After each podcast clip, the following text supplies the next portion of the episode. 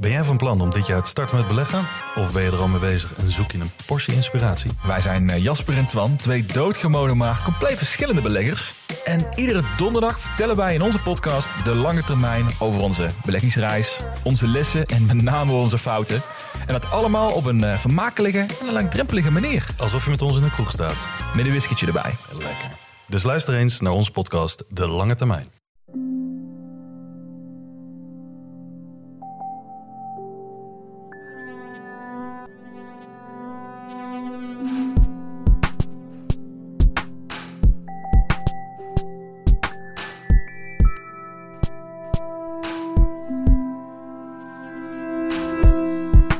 Hallo, ik ben Pieter van Relaas. In Relaas hoor je waar gebeurde verhalen en die worden verteld door de mensen die ze zelf hebben meegemaakt. Dat kunnen grote reisverhalen zijn, uit Congo of Spanje, zoals in de voorbije weken, maar je hoeft het niet altijd ver te zoeken om een avontuur te beleven.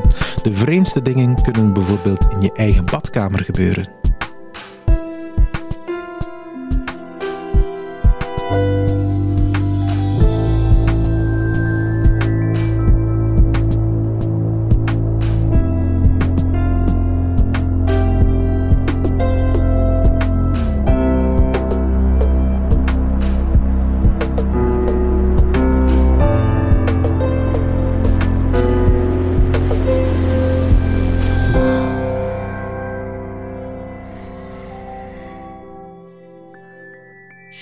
Ik ga jullie meenemen naar 30 december 2012. Ik was toen 21 jaar en ik zat in een blok. In een blok hebben we niet zo'n erg boeiend leven. Slapen, eten en studeren. En toch is het in zo'n simpele setting eigenlijk bij mij misgelopen. Ik moest niet veel doen en toch ging het al mis. Ik was bij mijn ouders toen. Zoals veel blokkende studenten willen wij graag een beetje verwend worden met die ouderlijke liefde. En dat was bij mij ook het geval. Op die dag was ik aan het studeren en ehm, tegen een uur of half twaalf klopt mijn vader op de deur. Hij komt binnen en hij zegt... Tina, we gaan eh, weg vandaag, we gaan naar de kerstmarkt en eh, je bent alleen thuis. De hond is er nog, maar je bent alleen thuis. Eh, we zijn tegen het avondeten terug en uw middageten staat in de frigo. Eh, dat is spaghetti. Kijk hoe. Papa had ook nog iets achter zijn rug. Hij toverde iets tevoorschijn en dat was een doosje van mijn favoriete snoep. Rode Cadillacs. Zo uit, uit Nederland bracht hem die mee voor mij en ik at die heel graag. Papa weg, Cadillacs naast mij op mijn bureau. Het was half twaalf. Dat is geen goed idee, hè? voor de lunch snoepen enzovoort. Maar echt, echt veel uh, moed om nee te zeggen heb je niet op zo'n moment. Je bent zwak. En ik neem een snoepje. Of twee. Of drie. Vier. Um, en ik, ik, eet die snoepjes, ze smaken goed. Drie verschillende smaken, rode vruchten, heel lekker. En ik voel dat er iets blijft steken in mijn keel. Ja, nog wat snoepjes, hè? kan het zakken. Uh, een beetje drinken, dan kan het zakken. Maar ik voel dat nog steeds zitten. Hier rechts in mijn keel voel ik zo, ja, een stuk zitten. Waarschijnlijk niet goed genoeg gekoud. Een beetje te snel aan het schrokken geweest. En dat raakt er dus niet uit. Ja, goed. Spaghetti stond klaar. Ik ga mijn spaghetti gaan eten. Heel lekker eten. Goed gemaakt, papa. Maar dat, dat blijft hier toch zo in mijn keel iets vastzitten. Het was niet erg. Ik kon nog slikken, maar het zat daar wel. Ik kon dat voelen. En dat was heel lastig. Dus tegen twee uur in de namiddag beslis ik van ja, er is toch iets mis. Ik, moet, ik moet hier iets aan doen. Stel je voor, straks komen mijn ouders thuis en dan lig ik daar dood, gestikt in een rode Cadillac. Ik zag het zo al in de krant voor mij en ik dacht, ja, dat, dat is niet de manier waarop dat ik mijn leven ga, zien eindigen. Hè. Dus um, ik, ik beslis van, dat moet hieruit. Het is duidelijk dat dat niet zakt, spaghetti niet geholpen, snoepjes niet. Dus dat moet eruit, want dat moet langs de andere kant um, naar boven komen. Dus ik ga boven mijn wastafel staan en uh, ik sluit mijn ogen en ik begin te hoesten. Heel diep te hoesten. Dat doet pijn, echt, echt heel diep hoesten. En plots voel ik verlossing. En dus ik denk, yes, ik ga zo niet sterven. Dat is niet mijn einde. En ik open mijn ogen en in mijn wastafel zie ik geen rode Cadillac liggen. Ik zie een insect.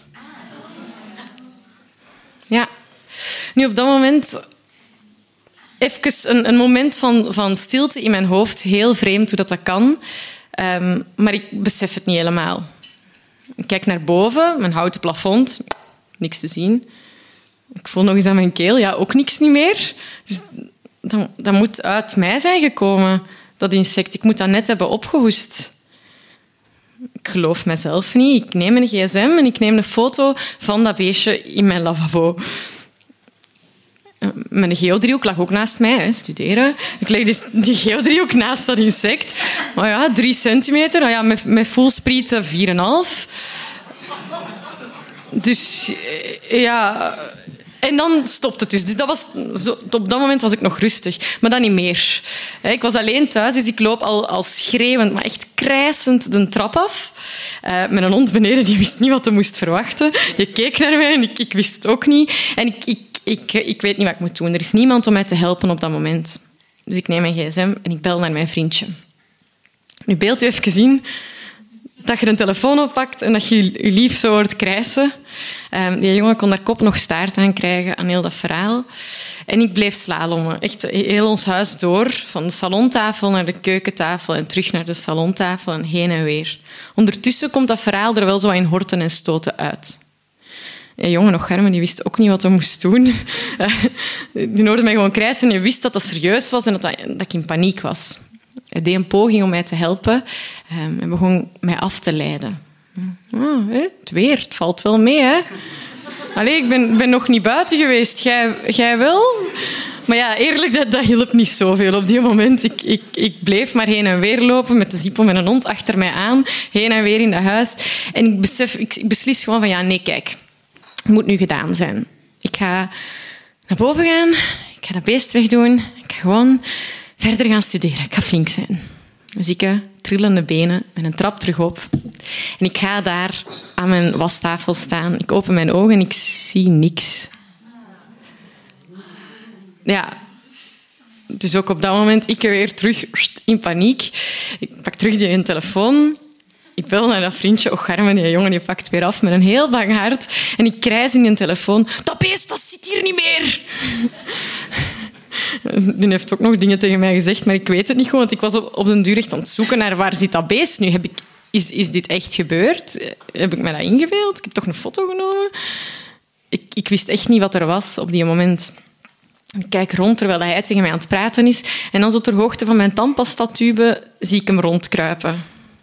Mijn kleine vriend die lag daar dus rustig te kruipen tussen mijn tandpasta.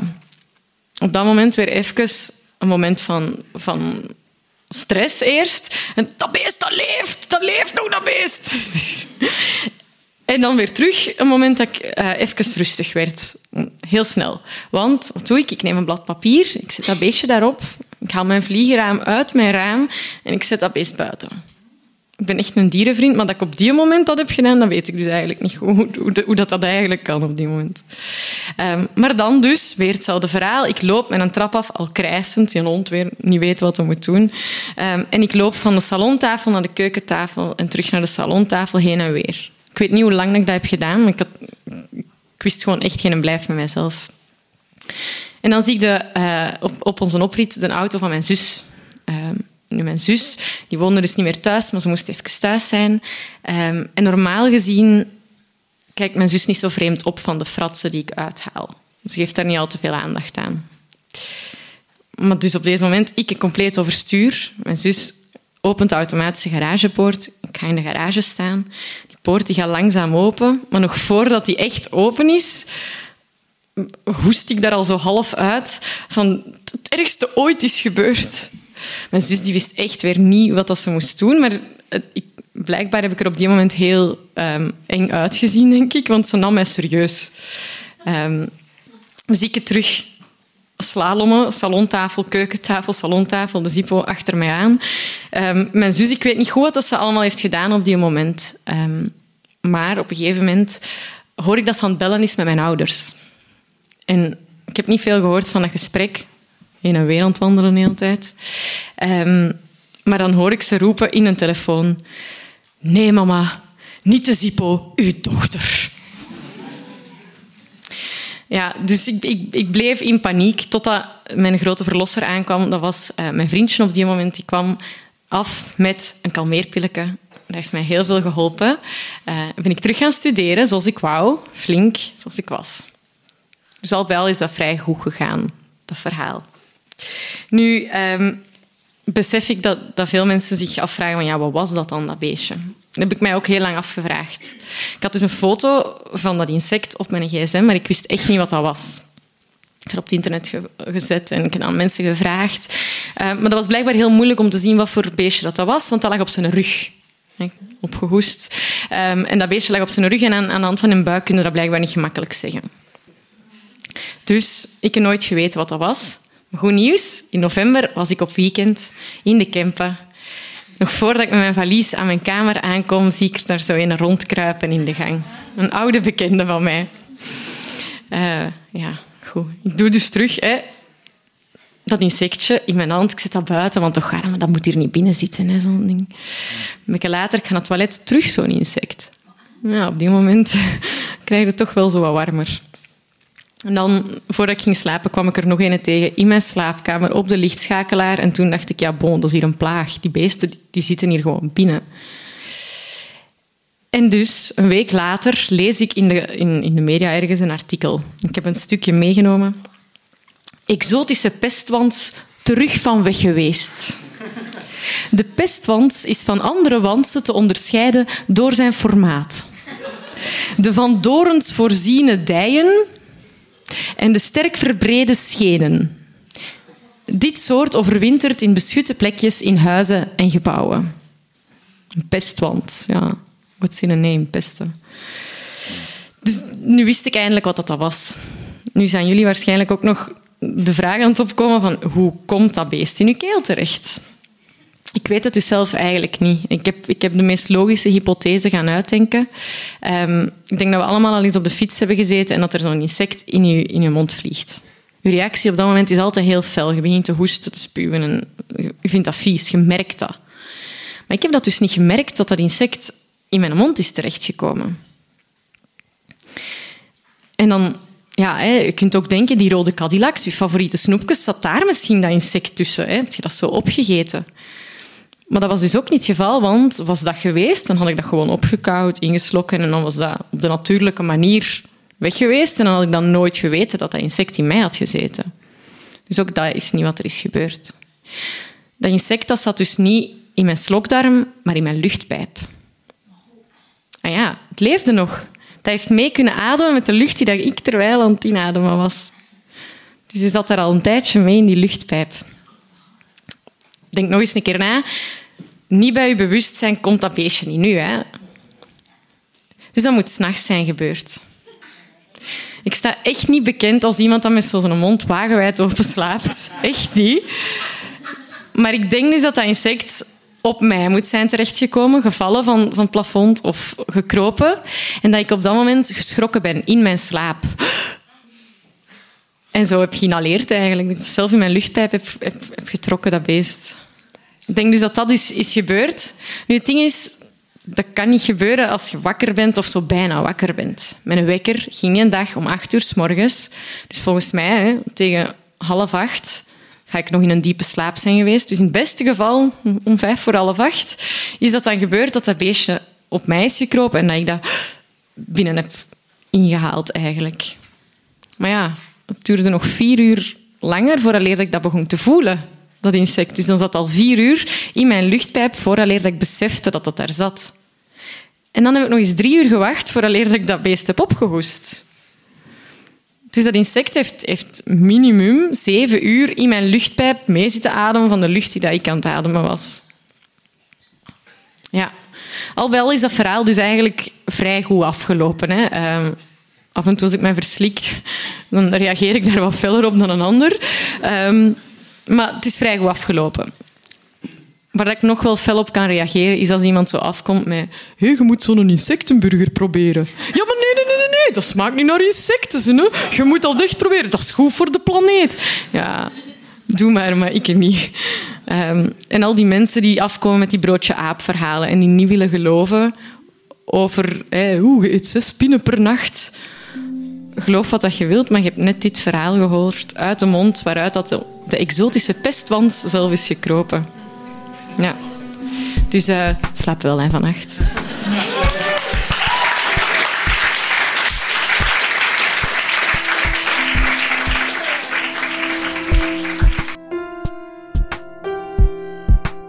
Dat was het relaas van Tine. Ze heeft het verteld in Husset in Gent in januari van 2019. Ik zat toen in het publiek en de afschuw was echt af te lezen op de gezichten in de zaal. Misschien heb jij ondertussen dat beestje al gegoogeld. Ik heb dat wel gedaan, die pestwans. Ik heb dat daarnet gedaan en ik moet zeggen, ik zou dat beest zelfs niet op een halve meter van mij dulden. Laat staan in de buurt van mijn mond. En ik geef het maar mee, ik zag bij die foto's in de artikels op Google uh, dingen zoals exotische pestwans rukt op in Europa. En ook de pestwans is in zeven jaar een gewone soort geworden in België. Gruwelijk. Relaas krijgt steun van de Vlaamse gemeenschap en van de stad Gent. En ook van jullie. Jullie zijn onze community en jullie kunnen ons helpen door dit verhaal door te sturen. Bijvoorbeeld met de woorden erbij: Voor mijn allerliefste pestwans, kusjes. Zeg ze maar iets. Je kan ons ook financieel steunen, een mini-duwtje in de rug bijvoorbeeld, door ons 2 euro per maand te geven via Patreon. We hebben daarvoor een knop op onze website gezet. Wij maken onze podcast en dus ook onze vertelavonden met vrijwilligers.